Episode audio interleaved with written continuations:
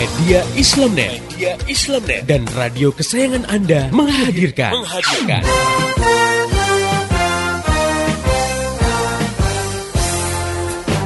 Voice of Islam. Voice of Islam. Voice of Islam. Pastinya di ajang kontes kecantikan itu ada pamer aurat dong. Oh, bener banget, Mbak. Padahal seorang muslimah kan diperintahkan Allah Subhanahu wa taala untuk menutup auratnya ya. Biasanya para kontestan itu kan pasti harus berlenggak-lenggok di hadapan dewan juri. Iya. Dan juga penonton gitu. Padahal dewan juri ataupun penontonnya ini kan nggak semuanya cewek ya. Iya, betul. Malah banyak yang dari kalangan kaum adam gitu kan. Atau mereka dipotret ya oleh juru foto yang juga bukan mahramnya. Udah gitu pakaiannya minim lagi, nggak nutup aurat. Nah ini jelas pelanggaran yang nyata terhadap hukum Islam. Voice of Islam. Misalnya kita punya catat kaki, tapi kaki kita ini membuat kita bisa melangkah ke tempat-tempat ibadah dan majelis-majelis ilmu yang diridhoi Allah. Nah, ini ada artis yang kakinya bagus banget, artis dunia ya. Sampai kaki itu diasuransikan untuk satu kaki aja itu jutaan dolar, berapa miliar itu. Iya. Nah, tapi kakinya buat difoto di mana-mana. Dipamerkan untuk maksiat, ya. Artinya kaki itu digunakan untuk maksiat gitu. Iya. Ya, itu jelas kan tidak ada gunanya, bahkan bisa menjerumuskan. ya. Iya. Nah, makanya yang namanya fisik itu sudah karunia ya, kita harus bersyukur. Al-Qur'an sudah mengingatkan sedikit sekali orang yang bisa bersyukur. Jadi bisa bersyukur itu itu adalah sesuatu yang sangat mahal. Mari dengan syariah. Voice of Islam.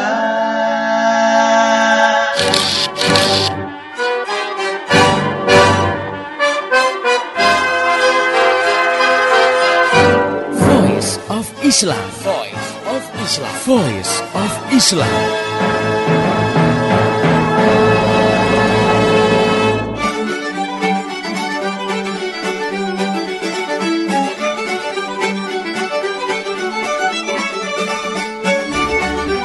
Halo Indonesia, Assalamualaikum warahmatullahi wabarakatuh. Jumpa dengan saya Arini Aulia dalam program Voice of Islam. Kerja bareng Media Islamnet dengan radio kesayangan Anda ini. Dan selama 30 menit ke depan, Voice of Islam akan menemani ruang dengar Anda dalam rubrik konsultasi surat. Pendengar di seluruh tanah air, yang jelas saya nggak sendiri. Telah hadir untuk mengasuh rubrik ini yaitu Ustazah Insinyur Latifah Musa. Beliau adalah konsultan klinik anak muda untuk pergaulan islami. Oke, mari kita sapa dulu beliau. Assalamualaikum Ustazah. Waalaikumsalam warahmatullahi wabarakatuh. Bagaimana kabarnya hari ini? Alhamdulillah Mbak Rini sehat walafiat. Alhamdulillah. Ustazah Latifah, Iya. pada kesempatan kali ini kita akan membacakan SMS yang datang dari pendengar Voice of Islam Iya. yang bunyinya sebagai berikut. Assalamualaikum. Di daerah saya sudah menerapkan otonomi daerah. Para pemimpin adalah putra-putra daerah. Tapi kenapa ya kok justru muncul isu-isu tidak enak? Diduga korupsi semakin meningkat. Padahal harapan kami kalau putra daerah akan semakin memajukan daerah. Bagaimana Islam memandang masalah ini? Dari 0852 653 22 sekian sekian sekian. Demikian tadi Ustazah Iya. punya SMS yang telah disampaikan dan ya ini adalah pertanyaan menarik ya dari pendengar Voice of Islam tentang otonomi daerah. Iya. Mungkin langsung saja kita bahas. Ustazah, gimana nih? Kok dari pengamatan terhadap penerapan otonomi daerah, Iya. konon kabarnya terjadi banyak problem atau masalah. Iya. Nah, bagaimana pendapat Ustazah sendiri? Iya. Baik Mbak Arini, juga pendengar yang budiman di seluruh tanah air, khususnya yang menanyakan masalah ini ya Mbak Arini. Iya. Kita memang pernah membahas ya bahwa otonomi daerah salah satunya juga menimbulkan problem peluang disintegrasi. Nah, kali ini memang yang muncul adalah tentang adanya problem-problem yang terkait dengan masyarakat ya dalam pelaksanaan otonomi daerah. Yang mungkin ini satu pertanyaan yang kalau ditimbang-timbang cukup serius juga ya. Tapi semoga kita bisa ya membahasnya dengan ringan dan jelas. ya.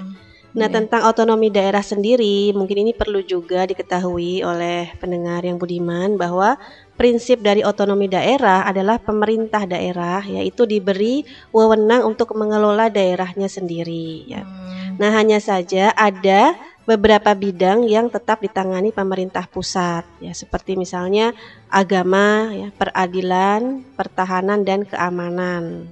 Juga ada fiskal atau moneter ya, kemudian politik luar negeri serta sejumlah kewenangan bidang yang lain. Nah, hanya persoalannya adalah otonomi daerah ini mendorong pemerintah daerah itu semakin istilahnya tuh menggenjot pendapatan asli daerah masing-masing karena mereka harus membiayai pembangunannya sendiri ya. Karena dana dari pusat kan sudah dibatasi. Nah, kemudian dengan batas teritorial yang semakin menguat ya, kemudian juga adanya tuntutan kebutuhan untuk menarik dana bagi kas daerah ya sebanyak-banyaknya ya karena ini kan pembiayaan jadi tanggung jawab daerah ya.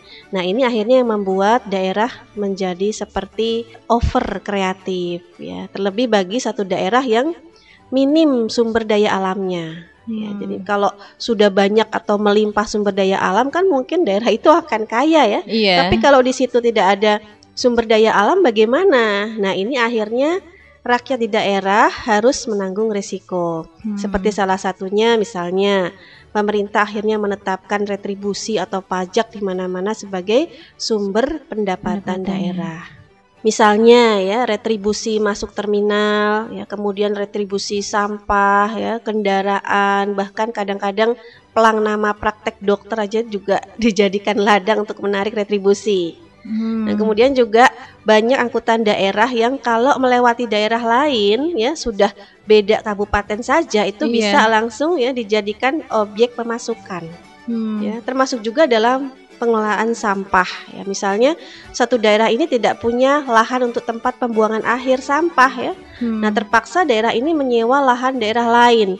Nah, padahal terkadang letaknya pas di daerah perbatasan antara kedua daerah. Nah, jadi akhirnya hanya karena sudah beda kota atau kabupaten, maka itu bisa menjadi lahan pajak bagi daerah yang bersangkutan. Hmm. Ya, termasuk juga misalnya dalam hal pendidikan, ada siswa yang ingin menempuh pendidikan ke sekolah yang kebetulan berada di luar daerah tempatnya dia tinggal. Ya, karena daerah itu dibatasi kuotanya, nah dia harus menjalani serangkaian tes dan juga biaya masuknya lebih tinggi. Nah, jadi akhirnya otonomi daerah itu bisa menyebabkan ekonomi biaya tinggi di daerah-daerah.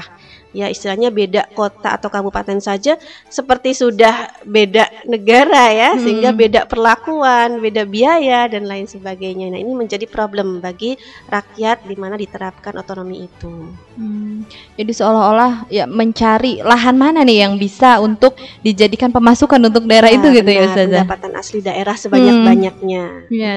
Eh, terus kemudian bagaimana nih munculnya atau awal munculnya otonomi daerah ini? Iya. Karena sepertinya sekarang muncul ya tadi banyak persoalan-persoalan ya padahal dulu kan mestinya otonomi daerah ini adalah untuk memecahkan permasalahan gitu.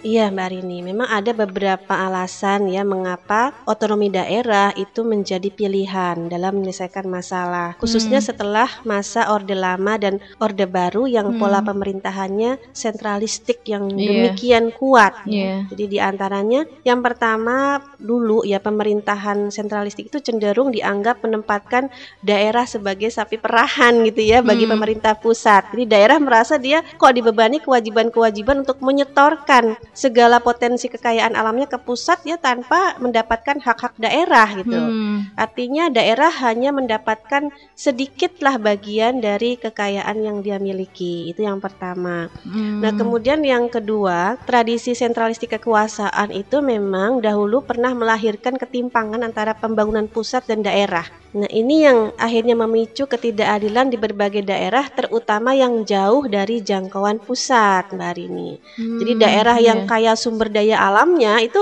bisa dikatakan tidak menjamin rakyatnya sejahtera karena sumber daya alamnya itu disedot oleh pusat. Jadi kekayaannya seperti hanya untuk pusat saja. Hmm. Ya contohnya misalnya dulu Aceh ya yang punya potensi gas alam terbesar di dunia itu Iya. bisa dikatakan rakyatnya hanya gigi jari ya, hanya Hmm. swasta yang eh, mengeksplorasi gasnya dan sedikit sekali pengaruhnya atau kesejahteraannya di kalangan rakyat. Kemudian Iya. juga seperti rakyat Papua ini kan bergelimang emas sebetulnya, Iya. tetapi hanya meninggalkan jejak kerusakan lingkungan bagi masyarakat setempat yang terasa bagi mereka Hmm. ya.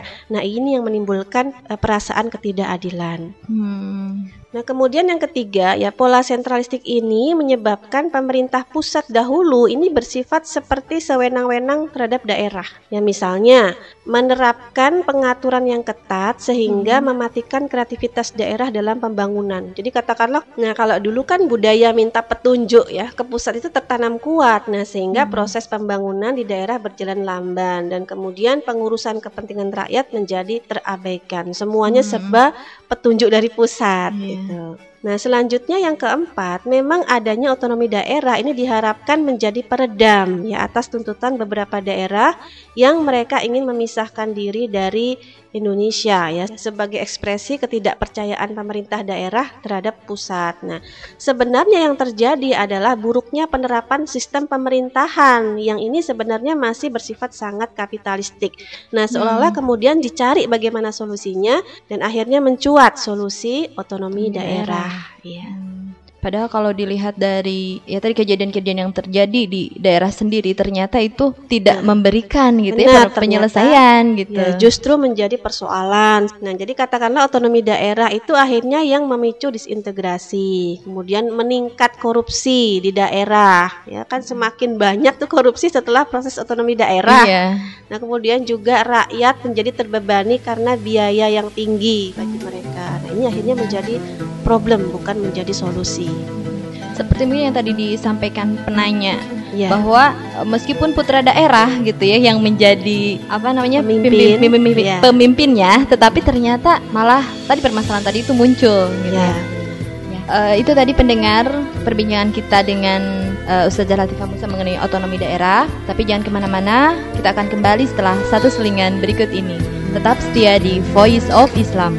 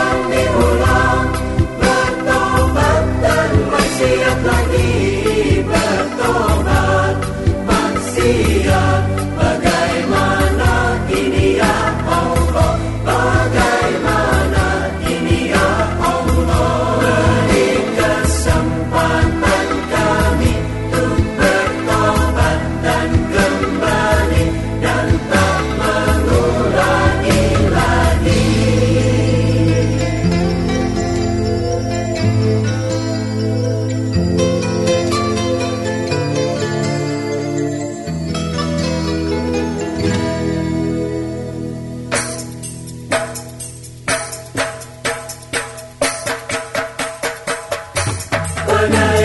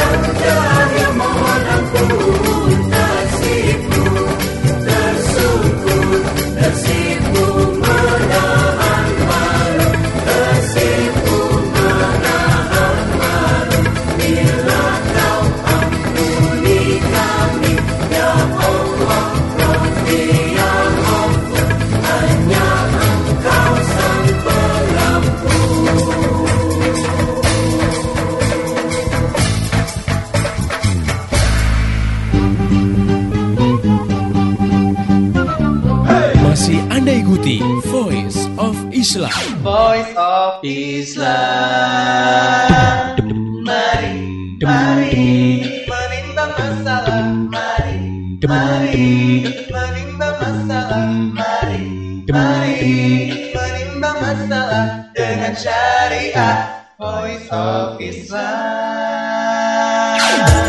Voice of Islam. Voice of Islam. Voice of Islam. Persembahan media Islamnet dan radio kesayangan Anda ini. Voice of Islam. Voice of Islam. Voice of Islam.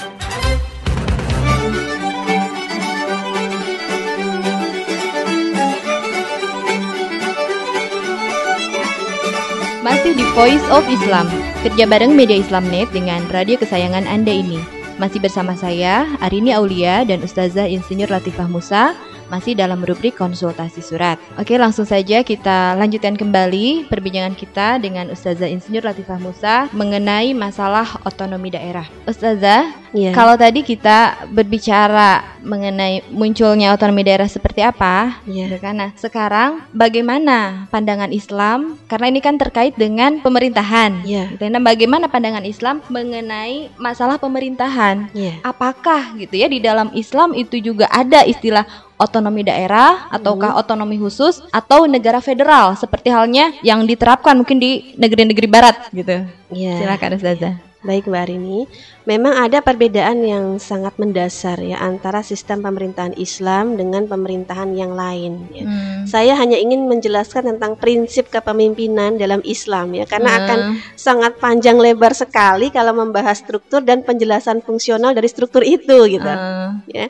Jadi secara Iya. prinsip ya, dalam Islam tanggung jawab pemeliharaan urusan rakyat ada di tangan kepala negara. Jadi Hmm. kalau dalam Islam itu disebut khalifah. Hmm. Nah, sekalipun dalam struktur ini ada para pembantu ya bagi kepala negara ini Iya. atau ada badan-badan struktural dalam negara, nah tapi tanggung jawab penuh ada di tangan sang kepala negara. Hmm. Jadi tidak dilepaskan. Jadi kepala negara tidak membebankan kepada yang lain. Dia yang bertanggung jawab atas seluruh urusan rakyatnya. Sebagaimana dalam sebuah hadis riwayat Bukhari Muslim ya, al imamu ra'in wa huwa mas'ulun an ra'iyatihi. Hmm. Jadi seorang pemimpin adalah penggembala atau orang yang bertanggung jawab dan dia akan dimintai pertanggungjawaban atas kepemimpinannya. Hmm. Nah, jadi dalam hal ini dia tidak boleh menyerahkan tanggung jawabnya kepada yang lain. Hmm. Nah, kalaupun wilayah kepemimpinannya sangat luas, dia bisa saja mengangkat wali ya atau amil, jadi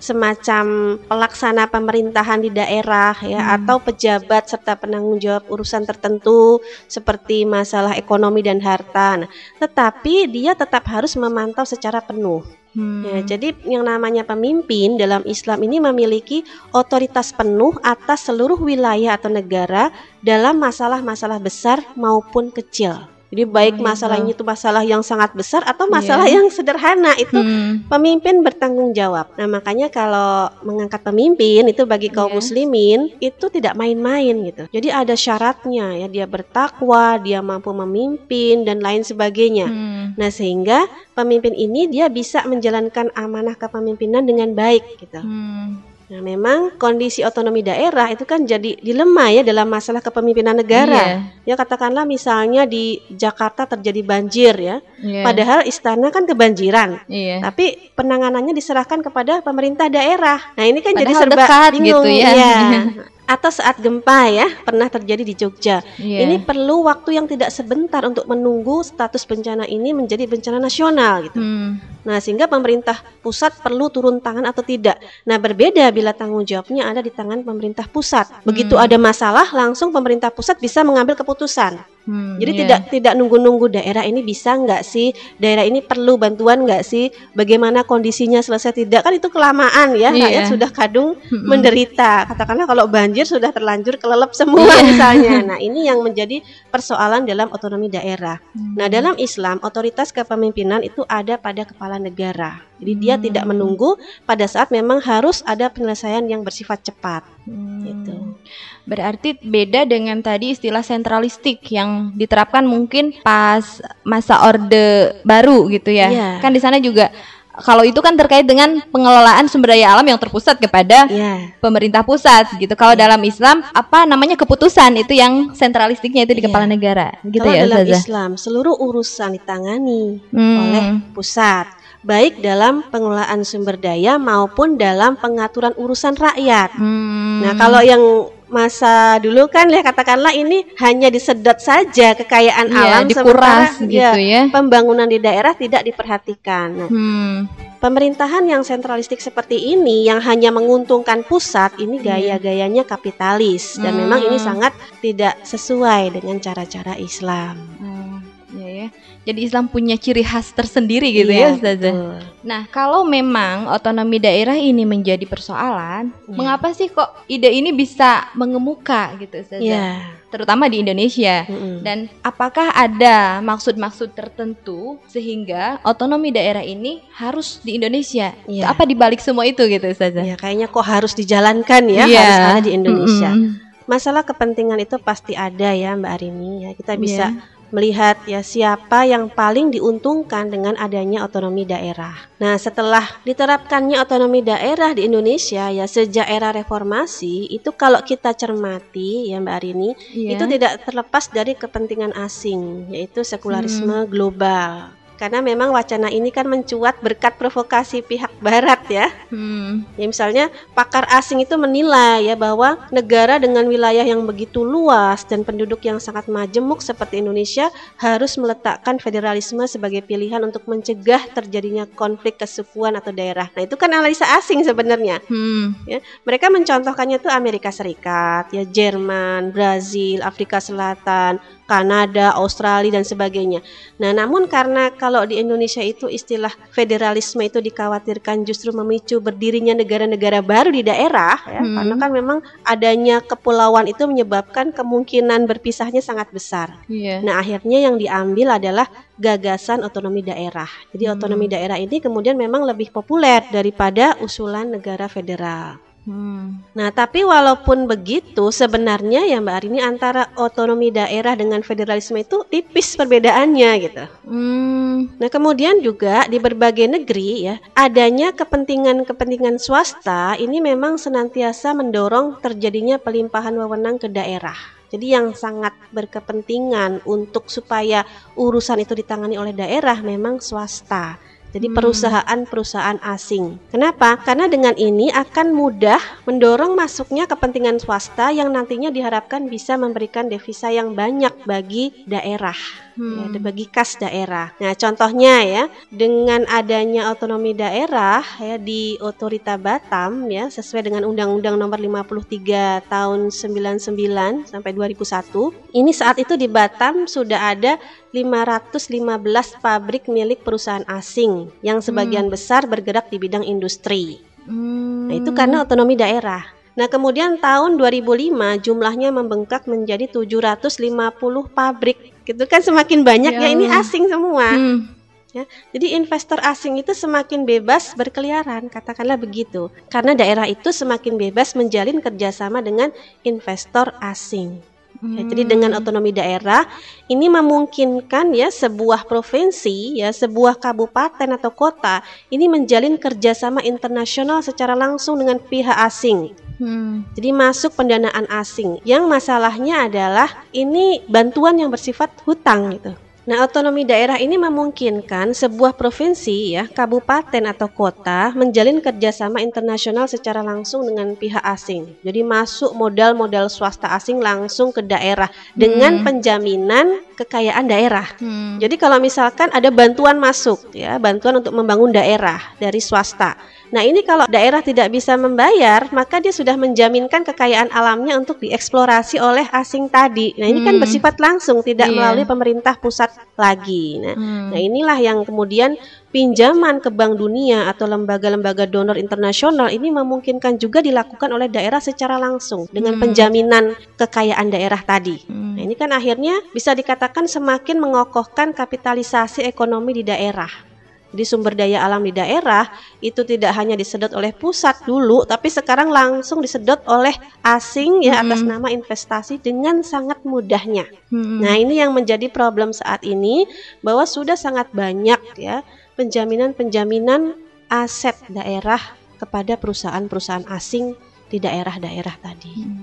Dan daerah sendiri mungkin mau nggak mau ya harus melakukan itu semua karena Iya. mungkin bingung nanti bagaimana untuk mensejahterakan rakyatnya Betul, istilahnya seperti karena itu bisa ya. dibilang dia harus menggenjot pendapatan Iya. asli daerah ya, Mhm. akhirnya diambil cara dengan cara investor-investor asing tadi. Berarti justru otonomi daerah ini sangat membahayakan sekali berarti ya Ustazah. Ya inilah yang menjadi problem dan tampaknya ini sebetulnya sudah Iya. mulai disadari oleh Mhm. pemerintah pusat saat ini. Hmm. Ya oke itu tadi pendengar bincang-bincang kita dengan Ustazah Insir Latifah Musa seputar otonomi daerah. Mudah-mudahan bagi penanya bisa difahami gitu dan juga buat pendengar eh, bisa kita mengambil hikmah dari apa yang telah kita tadi perbincangkan. Oke, bagi pendengar yang ingin bertanya, memberikan saran, masukan atau kritik, Anda bisa kirim surat ke radio kesayangan Anda ini atau bisa melalui SMS ke 0856 9492 4411 atau bisa juga melalui email ke mediaislamnet@yahoo.com. Untuk info-info seputar Voice of Islam, radio-radio di seluruh Indonesia yang menyiarkannya, topik-topik yang akan dibahas dan juga info lainnya, Anda bisa klik di www.gaulislam.com. Saya Arini Aulia dan seluruh kerabat kerja yang bertugas mengucapkan terima kasih kepada Ustazah Institut Latifah Musa atas penjelasannya. Sama-sama Mbak Arini, alhamdulillah. Dan terima kasih juga buat pendengar yang telah setia mengikuti acara ini. Pesan saya, sampaikan apa yang Anda peroleh dari acara ini kepada yang lain, agar rahmat Islam ini bisa segera tersebar luas, termasuk di kota Anda yang tercinta ini. Dan insya Allah esok hari, Voice of Islam akan kembali hadir di waktu dan gelombang yang sama. Mari menimbang masalah dengan syariah. Assalamualaikum warahmatullahi wabarakatuh. Demikian tadi Voice of Islam. Voice of Islam. Semoga hikmah yang terkandung bermanfaat untuk kita semua. Amin amin amin ya robbal alamin. Kembali bisa Anda dengarkan Voice of Islam. Voice of Islam menghadirkan topik-topik seputar kehidupan kita esok hari di waktu dan gelombang yang sama.